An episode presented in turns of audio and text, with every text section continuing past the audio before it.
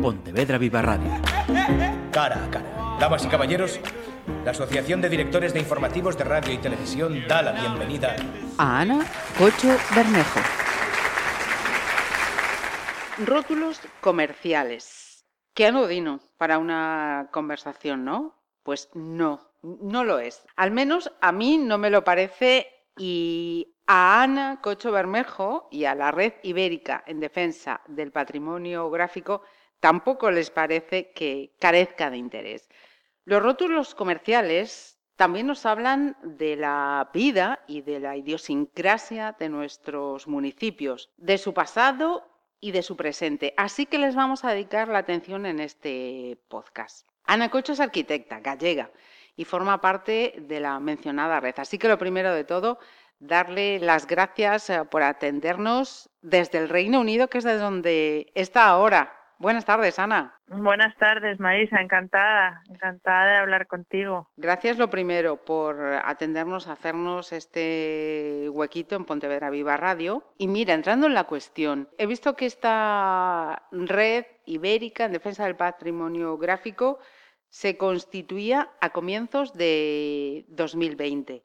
Quería preguntarte cuál fue la motivación que lleva hace dos años a conformar esta entidad. Pues mira, la verdad es que, digamos, el acta fundacional de, la red ibérica eh, tuvo lugar hace dos años, pero en los últimos 10, 15 años se ha venido intensificando y siendo más visible en los medios el interés eh, en la protección de este tipo de patrimonio. Entonces, eh, pues hace dos años el interés, eh, aparecieron muchos proyectos nuevos en las redes y había ya una gran entidad de profesionales aficionados e interesados en llevar a cabo una labor continuada de difusión, de, de catalogación y de protección.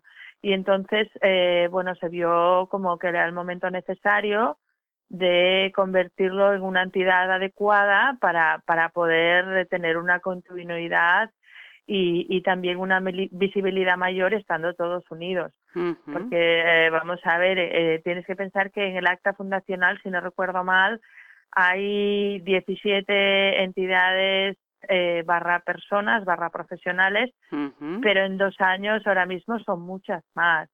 Entonces fue simplemente el inicio de un camino en conjunto de un montón de caminos en paralelo que venían interesándose por el tema desde hacía ya muchos años. Porque mm, todas estas eh, personas, entidades eh, profesionales que ahora mismo estáis eh, integrados en la red, eh, ¿Tenéis algún tipo de, nexo con este patrimonio gráfico? Quiero decir, ¿pertenecéis a actividades, profesiones vinculadas de alguna manera con, todos estos elementos gráficos? Bueno, la verdad es que es que hay, hay de todo tipo de perfiles. Evidentemente los perfiles profesionales relacionados con, con estos elementos son los mayores, o sea, hay, diseñadores gráficos, hay arquitectos, hay, eh, por supuesto, fotógrafos, pero, pero también eh, hay en la red eh, gente que podríamos denominar aficionada porque su profesión principal, digamos, su, su labor principal en el día a día no está relacionada con ellos, pero que sin embargo tiene un gran interés. Mm, cada uno de los perfiles eh, ha llegado a desarrollar este interés de una manera diferente. Eh, claro, te podrás imaginar que el interés por la evolución tipográfica en la rotulación no es el mismo interés eh, que el que puede tener un arquitecto que lo considera un elemento fundamental de la evolución del paisaje urbano, ¿no? O, o, el elemento que o con lo que puede ser el interés de un fotógrafo, ¿no? Todos hemos llegado por caminos diferentes. Con un interés común bueno, no sé si habéis escuchado esa interferencia que, hemos eh, tenido, esperamos que no haya interrumpido mucho la conversación. Entonces, con esos diferentes perfiles eh, profesionales, diferentes eh, intereses que os llevan a ese punto común que son los rótulos comerciales, ¿de qué manera intervenís? ¿Cómo, cómo se hace esa protección en la que trabajáis? pues vamos, fundamentalmente se trata de cuatro, de cuatro focos. El primero, evidentemente, es la divulgación. O sea, la divulgación y extender el conocimiento y el razonamiento y el debate a nivel ciudadano de que es un patrimonio de lo que estamos hablando que hay que proteger. labor de catalogación también, eh, porque en muchos sitios además eh, va unida a una tercera labor, que es la del rescate de rótulos que eh, directamente se rescatan y se guardan eh, para que no perezcan. Fundamentalmente eh, son estas son estas las labores. También el, modo de realizarlas puede variar mucho. El modo de rescatar un rótulo, el modo de catalogarlo o los tipos de labores de divulgación, la verdad es que son, son, son, hay, son variados. He visto además eso, que también eh, tenéis colaboradores, ciudadanos, que, oye, os han visto, les ha interesado esta causa y a través de las redes sociales eh, también están recopilando ese material. Sí, además es que es, es, es muy interesante, ¿no? Porque a veces eh, nosotros, como quien dice, tenemos eh, echado el ojo a ciertos rótulos que nos parecen relevantes, sobre todo cuando vemos que puede cambiar la tipología del negocio, eh, de ese establecimiento y que eso puede influir en tomar la decisión de mantener el rótulo o no.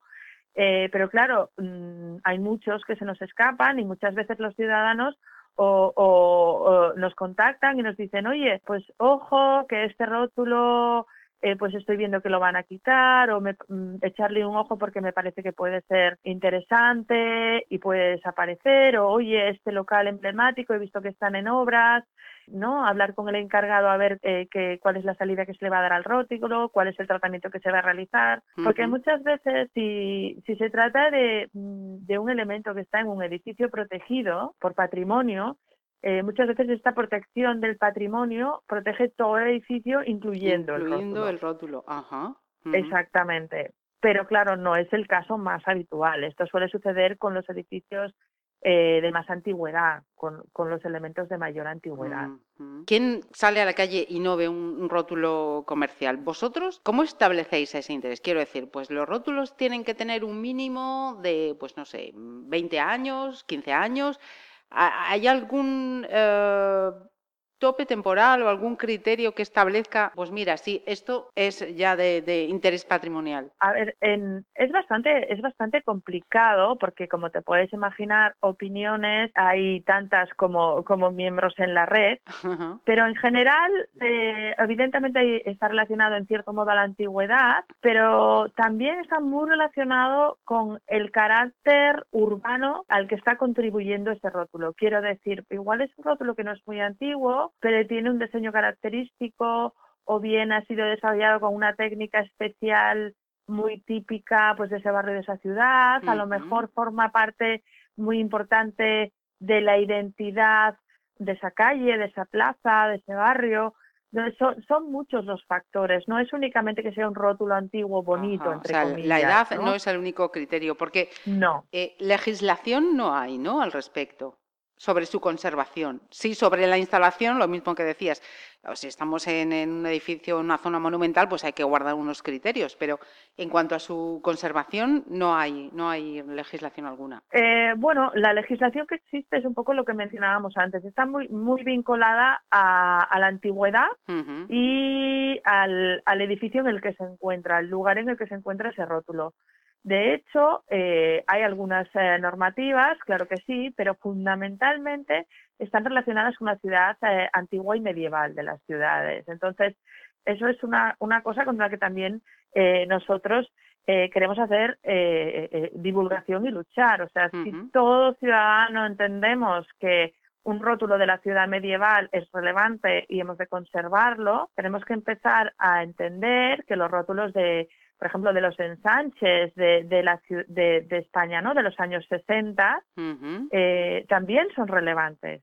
Entonces, Es, es, es, un poco aplicar el mismo criterio que ya está como generalmente aceptado de los rótulos antiguos tienen valor, de, de entender que no solo los rótulos antiguos tienen valor.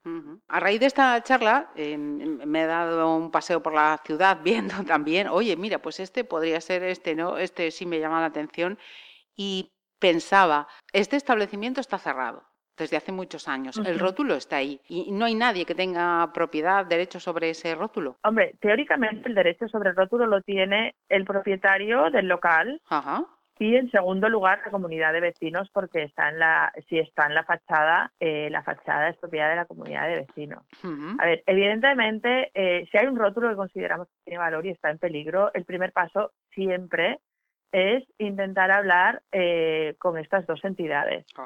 Si hay obras, por ejemplo, se puede también eh, concertar una entrevista con urbanismo para, para informarse de, de, si se han dado órdenes de protección sobre él o no y, eh, y actuar y tomar decisiones al respecto.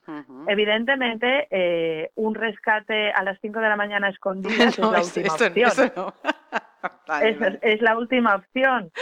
Pero sí. que es verdad que en alguna ocasión ha sucedido. Sí, me vas a permitir que, que hable de ti como si no estuvieras, Ana. Pero escúchame porque ah, con, ello va a ir, con ello va a ir la siguiente pregunta. Tengo que decir que a Ana eh, sería algo así como una mm, pionera o una visionaria en esto del, interés y el patrimonio que suponen eh, los, los, rótulos comerciales en el paisaje urbano, porque ya a comienzos de la década del 2000 hizo un trabajo en el que documentó centenares de rótulos de A Coruña. Así que creo que estamos con la persona perfecta para hacerle la siguiente pregunta. Ana, yo decía al inicio, puede parecer un tema anodino, pero no lo es porque si nos fijamos en todos esos rótulos, podríamos extraer cómo era la idiosincrasia, cómo eran esas ciudades hace 20, 30, 40, 50, 60, 70 años, no, lo sé. ¿Tú cómo lo viste cuando estabas haciendo aquel trabajo? Ah, pues mira, precisamente mi interés surgió de esa manera. O sea, yo consideraba que, bueno, básicamente eh, muchas veces paseando, ¿no? Esos rótulos a mí me contaban mucho, me contaban mucho de, de, cierta época, en este caso el libro es sobre la mayor parte, excepto dos o tres, de la ciudad de La Coruña, me, me contaba mucho sobre, el nacimiento de ese barrio, de cómo eran el intercambio, los establecimientos, la vida del barrio, incluso con el tipo de técnica que se habían realizado los rótulos o el tipo de, de las tipografías que se habían usado. Me, a mí me, me, me, contaban mucho en mis paseos acerca, acerca de esa ciudad que además no era la mía. Yo estaba, yo estaba eh, viviendo allí, pero no, no era originariamente de allí. Y lo que sucedió es que empezaron a llegar cambios y empezaron a desaparecer eh, comercios de barrio y con ellos los rótulos. Y entonces yo empecé a documentarlo simplemente mm, por un interés propio, porque me parecía fundamental eh, que no quede, que, quedara constancia al menos de, que habían existido, ¿no? Y bueno, llegó un momento que, ese interés, eh, bueno, pues tenía un gran catálogo y, y bueno, le, le, le transmití al, en este caso al Colegio de Arquitectos de Galicia mi interés y, y, y, bueno, les, les hablé un poco de por qué yo consideraba que era relevante, etcétera, etcétera, y estuvieron de acuerdo, estuvieron de acuerdo conmigo y, y afortunadamente publicaron eh, ese trabajo de documentación. Y, y verdaderamente eh, fue, eh, tengo que decirlo, un trabajo muy frustrante porque eh, esto estamos hablando de hace casi 20 años. Y, y este interés se quedó básicamente en, en, en, la presentación del libro que se hizo en el Colegio de Arquitectos y en un pequeño grupo de personas eh, que demostramos nuestro interés en ese momento. Entonces, te puedes imaginar mi alegría cuando casi 20 años después, por fin se forma una red de defensa del patrimonio gráfico. O sea, para mí fue un momento terriblemente feliz. Visionaria. Visionaria, Ana. es una palabra un poco extraña. Te adelantaste a los tiempos. Eh, cuidadito que esto es lo que va, lo que va a pasar. Me llamaba la atención, fíjate, cuando hablabas de, eso, que incluso decías que eh, en ese patrimonio gráfico hasta se podía ver eh, fenómenos como son eh, las migraciones que también se ven reflejadas, hasta los rótulos comerciales. Yo, yo invitaría a que quienes nos escuchen en este podcast salgan a la calle y empiecen a levantar la vista y, a, descubrir. Porque yo lo hice, ¿eh? yo lo he hecho esta semana y la verdad es que dices, pero sí he pasado cantidad de veces y no me había fijado en este y en este otro. Y, no significa que tengan que ser establecimientos cerrados, efectivamente, como dices, pero con esa solera, que también son, son patrimonio. Bueno, pues si hemos conseguido despertar el interés de alguien, además de sacar su foto y subirla a vuestras redes, que también es una manera de ayudar, ¿de, de qué manera se puede colaborar, Ana? Ah, pues mira, cualquier persona interesada eh, puede contactar con la red a través de, de, de la web o bien a través de, de, los, de los medios y eh, si, por ejemplo, publicáis fotos de, de, ciertos eh, rótulos, de ciertos que, te, que consideráis que tenga interés, pues mira, si usáis, por ejemplo, el hashtag patrimonio gráfico en vuestras redes, pues estaréis ayudando a la colaboración. Y, por supuesto, si, si, si tenéis un interés en colaborar de manera constante, eh, por supuesto, contactarnos a través del email eh, de la red que podéis encontrar en, en, la, web. Además tenéis que pensar que estamos eh, por todas partes. Hay, hay normalmente, bueno, evidentemente hay comunidades y provincias donde hay más miembros que otras, pero, pero oye, incluso si sois parte y no veis que en la web haya ningún grupo todavía constituido en, en vuestro lugar, pues incluso mejor, ¿no? Porque, porque despertamos interés en, en, en, un, en una zona que por el momento eh, no tenemos ninguna persona interesada en, en vigilar entre comillas. Pues vamos a poner, vamos a vincular en Pontevedra Viva, Pontevedra Viva Radio, esa web de la Red Ibérica en defensa del patrimonio gráfico. Subiremos también fotografías y, y yo personalmente, mira, me comprometo también a salir de nuevo a pasear y encontrar imágenes, rótulos para ese hashtag patrimonio gráfico. Y Ana, pues daos muchísimas, darte muchísimas eh, gracias y yo creo que también las felicidades eh, a la red por ese trabajo que habéis emprendido en 2020, pero que como nos decías ya llevaba años ahí gestándose y ha salido a flote finalmente. Muchísimas gracias, Ana. Muchísimas gracias, Marisa, un placer. Pontevedra Viva Radio. ¿Me permiten que les haga un comentario como espectadores del programa Cara a Cara? Según un reciente sondeo de mercado, Ustedes disponen de estudios e inteligencias superiores a la media. Sus intereses abarcan desde la actualidad mundial y la ciencia hasta el deporte y los espectáculos.